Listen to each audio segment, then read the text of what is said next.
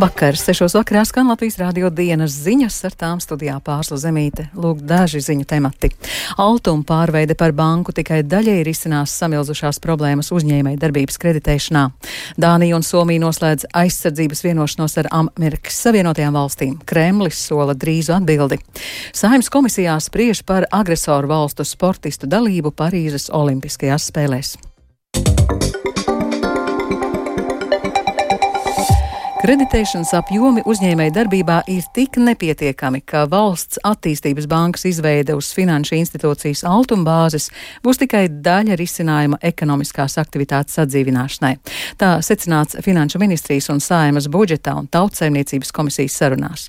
Šobrīd nolēmts vēl apzināt tirgus un kreditēšanas problēmas un sarunu par valsts attīstības bankas izveidi turpināt pēc apmēram mēneša, stāsta Jānis Kīncis. Finanšu ministrija secina, ka Latvijā uzņēmēja darbībā jauna nauda faktiski klāt nenāk. Ja Latvijas uzņēmuma kredīt saistības uzņemtos tādā līmenī kā vidēji Eiropas Savienībā, tie apgrozītu būtiski vairāk, klāstīja finanšu ministrs Arvils Ašrādens no jaunās vienotības. Trūkst 5 miljārdu eiro tirgu vēl papildus, lai tirgus normāli funkcionētu. Jā, un tas veidotu atšķirību, kas ir Latvijai pret pārējiem Baltijas tirgiem. Tas arī ir viens no galvenajiem aspektiem saimā sāktajai diskusijai par attīstības finanšu institūcijas Altum iespējamu pārveidi par valsts attīstības banku. Iespējams arī versijas par jaunas valsts īpašumā esošas kredītiestādes izveidi, kā arī bankas izveidi ar privātā ieguldītāja principu. Valsts ekonomikas trūkumu mazināšanai piedāvāts arī vienkāršāks risinājums - Altum statusu nemainīt un papildināt ar jauniem finanšu rīkiem tirgus nepilnību novēršanai. Abu saimnes komisiju deputāti gan piekrita, ka šis variants, zinot problēmu, pielīdzināms kosmētiskajam remontam. Vienlaikus netrūka daudz kritikas lielo komercbanku kreditēšanas politikai ārpus Rīgas un Pierīgas. Iespējām uzņēmumiem Latvijā aizņemties jābūt būtiski lielākām. Valsts attīstības banka šo kustību varētu veicināt, pārvilnot lielu daļu klientu no komercbankām. To uzsvēra arī saimnes opozīcijas deputāts Ainārs Lesers no Latvijas pirmajā vietā. Un es teikšu tā, ka kapu zvans zvana, kādi likumi, jeb normatīvie akti būtu jāmaina, lai bankas tomēr sāktu vairāk finansēt ekonomiku. Latvijā darbojošos komercbanku pārstāvji šīs dienas sarunā gan nepiedalījās. Diskusija par valsts attīstības bankas veidošanu turpināsies janvāra nogalē. Jānis Kincis, Latvijas radio. Saimā arī spriež par agresoru valsts sportistu dalību Parīzes Olimpiskajās spēlēs. Saimnes komisija kopsēdē šodien nolēmts paust skaidru Latvijas nostāju pret agresoru valstu uh, sportistu dalību, tostarp vēršoties pie Francijas parlamenta un lielākajām starptautiskās olimpiskās komitejas sponsoriem. Tajā sēdē spriests arī par rīcības saskaņošanu ar Ukrainas Olimpisko komiteju un Ukrainas iestādēm. Plašāk par sēdē apspriesto stāsta Reinis Grunspēņķis. Viena no galvenajām atziņām, par ko šodienas sēdē vienojās, ir lielāka politiķu, piemēram, ārlietu ministrijas iesaiste informācijas nodošanā citām valstīm, ne tikai tuvākajām Ziemeļvalstīm un Polijai, bet arī citām. Sarunas ar Olimpisko spēļu rīkotāju valsts Francijas parlamentu un Startautiskās olimpiskās komitejas lielākajiem sponsoriem var piespiest mainīt pieņemto lēmumu ļaut agresoru valstu sportistiem piedalīties. Sēdē izskanēja arī bažas, ka gadījumā, ja Latvija boikotētu Olimpiskās spēles, varētu būt arī sportisti, kuri tomēr izvēlētos uz Parīzi doties, un tādā gadījumā startētu tādā pašā neitrālā statusā kā sportisti no agresoru valstīm. Tomēr Latvijas Olimpiskās komitejas atlētu komisijas vadītāja Gunta Vaičule norāda, ka šāda situācija būtu absurda un Latvijas sportistu pozīcija būs vienota. Latvijas sportisti pilnīgi noteikti respektēs jebkuru lēmumu, kuru pieņems eh, Olimpiskā komiteja. Mēs to esam izrunājuši arī savā atlētu komisijā, protams, arī nu, caur atlētu perspektīvu, caur atlētu dzīves prizmu. Bet uh, tas, ka neviens uh, neies, un uh, vismaz es tā, jā, tā nevaru pateikt pa visiem, bet tā ir atlētu komisijas pozīcija, ka mēs respektēsim jebkuru lēmumu un solidarizēsimies arī ar organizāciju, kura mūs uh, gatavo spēlēm un, un arī, arī, arī valsts kopējo nostāju. Jo, kā jūs teicāt, jā, mēs, mēs lielā mērā trenējamies un gatavojamies šīm spēlēm, bet nodokļu maksātāju naudu mēs to neesam aizmirsuši nekādā gadījumā. Pati Ukraina joprojām turpina uzklausīt savu sportistu nostāju, un viņu viedoklim būs liela nozīme lēmumā par dalību Olimpiskajās spēlēs. Vaičuli arī atklāja, ka Ukrainas atlētu komisija šobrīd neizskata Olimpisko spēļu boikotu. Tā vietā tiek apkopota informācija par situācijām, kad sportisti ar neitrālu statusu ir piedalījušies starptautiskās sacensībās, un kā situāciju atspoguļo Krievijas un Baltkrievijas mediji. Latvijas Olimpiskās komitejas ģenerālsekretārs Kārlis Leinieks sacīja, ka no 11 kvalifikāciju izpildījušiem izpildījušajiem agresoru valsts sportistiem, seši vai pat septiņi ir piedalījušies pasākumos, kas aģitētu kara darbību Ukrainā. Reinis Grunspēņķis, Latvijas radio. Neizpratni sabiedrībā raisījušas Latvijas Olimpiešu sociālā fonda Ziemassvētku balles programmas, kas vienā pusē nodrukātas latviski, bet otrā krievu valodā. Pasākums notika pagājušajā nedēļā un bija paredzēts Latvijas sporta veterāniem. Krievu valodas izvēli nosoda arī Izglītības un zinātnes ministrijā. Savukārt Olimpiskā komiteja skaidro, ka tā bijusi kļūda. Vairāk Balla Dēvica. Sociālos medijos vairāki cilvēki dalās ar Olimpiešu sociālā fonda Ziemassvētku pasākuma programmām. Gan bijušie sporta funkcionāri, gan sportisti un žurnālisti pauž neizpratni par to, kāpēc programmu bijis nepieciešams nodrukāt arī Krievu valodā, ja pasākums bijis paredzēts Latvijas sporta veterāniem.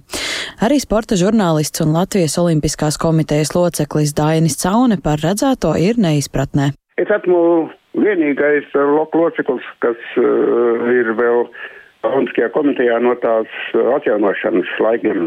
Un labi redzēju, kā tika veidots šis Olimpiešu sociālais fonds un, un ko tautā nodēvēja par oļas fondu un nekad neviens pasākums eh, nenotika Krievu valodā. Olimpiešu sociālo fondu savulaik dibināja izbijusī basketboliste Uljāna Semjonova, taču valdes sastāvā šobrīd ir Gunta Vlasenko, Agra Brūne un Atis Strēnga.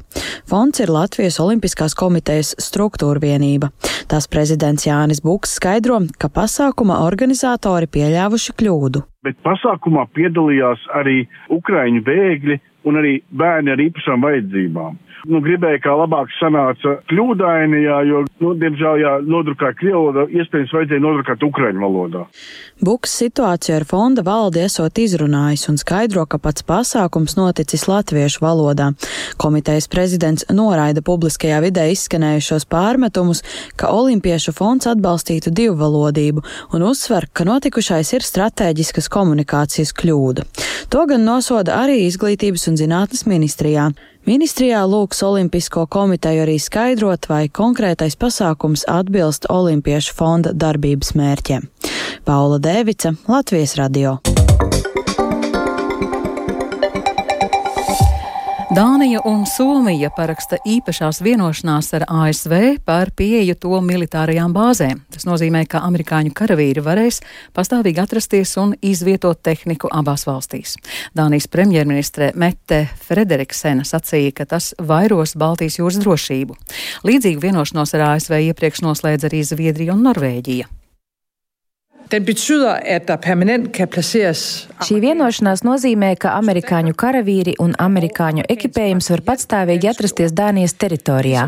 Tāpat mēs varēsim ciešāk strādāt kopā ar ASV pie militāriem projektiem un aktivitātēm. Šādi mēs stiprinām ASV pieju Eiropai, Baltijas jūrai un sniedzam savu ieguldījumu NATO kolektīvajā Eiropas aizsardzībā. NATO's kolektīvu forsvar i Eiropa Krievija jau paspējusi reaģēt uz parakstīto vienošanos un izsaukusi Somijas vēstnieku, kuram paziņots, ka Maskava neatstās bez atbildes NATO militārā potenciāla palielināšanos pie Krievijas robežas, kas apdraud Krievijas federācijas drošību un veiks nepieciešamos pasākumus, lai vērstos pret Somijas un tās NATO sabiedroto agresīvajiem lēmumiem. Putins iepriekš norādīja, ka Krievija neplāno uzbrukt NATO dalībvalstīm, tāpēc viņa prāt nav izprotama šāda bruņošanās pie tās robežām. Ir svarīgi, lai Putins zaudētu karu Ukrainā, paziņojas Lielbritānijas ārlietu ministrs Deivids Kamerons. Kopīgā preses konferencē ar Francijas ārlietu ministru Kamerons teica, ka apvienotā karaliste un Francija ir bijušas stingras Ukrainas atbalstītājas un turpinās tādas būt tik ilgi, cik tas būs nepieciešams. Uzsverot, ka rietumiem ir jāsaglabā noteiktais kurs atbalstot Ukrainu, Kamerons cīņu pret Krievijas iebrukumu salīdzināja ar lūgu, ko veido vairāki cēlieni. Pirmais cēliens bija Krievijas satriecošā nespēja sasniegt savus mērķus iebrukuma sākumposmā. Otrais cēliens bija izcilie panākumi, ko Ukraiņi sasniedza izspiežot Krievus, atgūstot pusi no zaudētajām teritorijām, izstumjot viņus no Melnās jūras. Un, protams, trešajā cēlienā uz sauszemes gāja grūtāk, bet ceturto cēlienu vēl tikai nāksies sarakstīt. Mums ir jānodrošina, ka mēs kopā ar mūsu draugiem un partneriem rietumu pasaulē sarakstām to pareizi. Ja mēs to spējam, es nešaubos, ka mēs varam panākt, ka Putins zaudē, un ir vitāli svarīgi, lai viņš zaudētu. Tā Lielbritānijas ārlietu ministrs Deivids Kamerons. Polijas autopārvadātāju protestiem turpinoties jau otro mēnesi, Ukrainas ekonomikai nodarīti zaudējumi jau aptuveni vienu miljardu eiro apmērā. Tā aplēsusi Ukrainas starptautisko autopārvadātāju asociācija. Ukrainas uzņēmēji šobrīd preču piegādēja Eiropā mēģina izvēlēties citus ceļus, lai nebūtu jābrauc caur Poliju.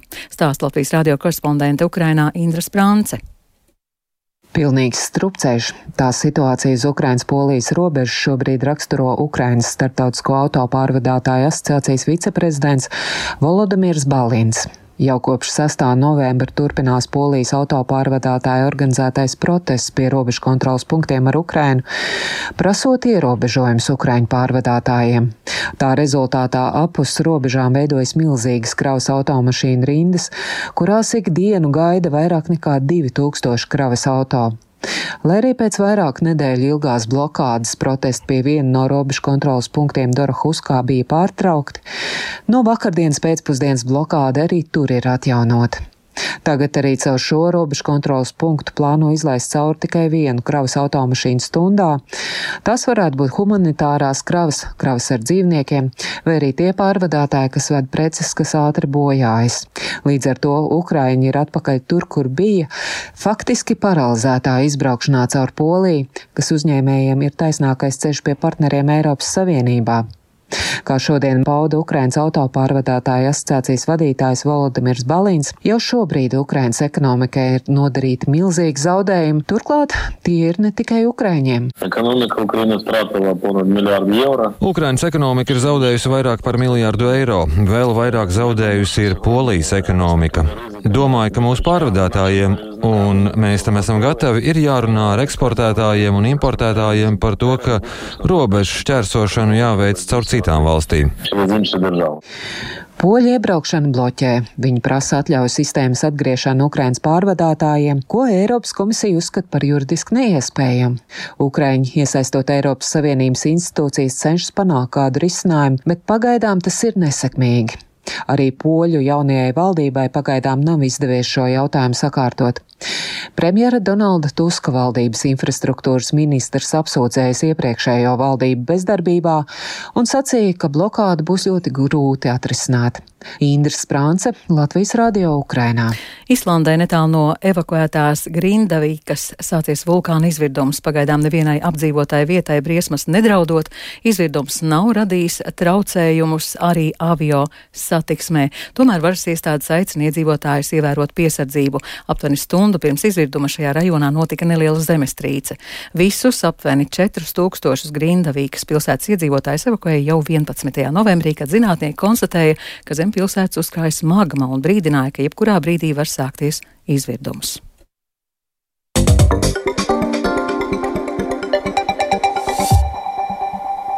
Tauriņu māja, tā bērnu slimnīcā dēvētās bērnu un jauniešu psihiskās veselības centra jauno ēku, to atklājas šodien. Pēdējos gados vairākas reizes palielinājies paškaitējumu nodarījušo bērnu skaits, kas vērsušies pēc palīdzības bērnu slimnīcā. Jaunais centrs izveidots un lai pēc iespējas labāk varētu pacientiem palīdzēt, un jaunā bērnu un jauniešu psihiskās veselības centra virsāste Karīna Beinerte uzsver modernas infrastruktūras nozīmi.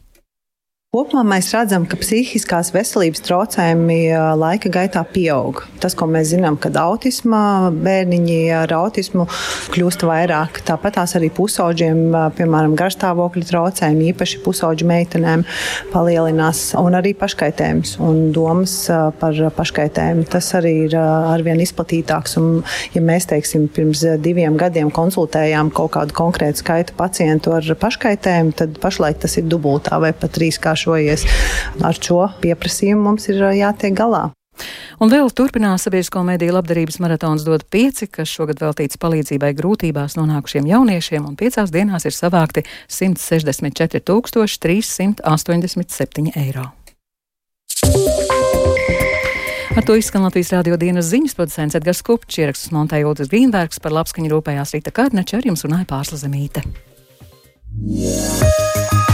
Rīgā 6 grādi, rietumvējš 4 m2, gaisa spiediens 753 mm, gaisa relatīvais mitrums 78%, bet kāds laiks gaidāms turpmāk prognozē sinoptiķe Ilze Golbeva. Tuvākajās dienās laiks kļūs nedaudz vēsāks, un nu jau lietuma atkal pievienosies slapjš sniegs un sniegs. Arī trešdien naktī vietām, bet dienā plašākā teritorijā ir gaidāmi nokrišņi. Gaisa temperatūra naktī būs mīnus 1,4 grādi, bet dienā plus 1,5 grādi, un piekrastē būs jūtams brāzmaināks vējš. Līdzīgi laikapstākļi gaidām arī darba nedēļas izskaņā, taču brīvdienās no jauna varētu izveidoties sniega kārta.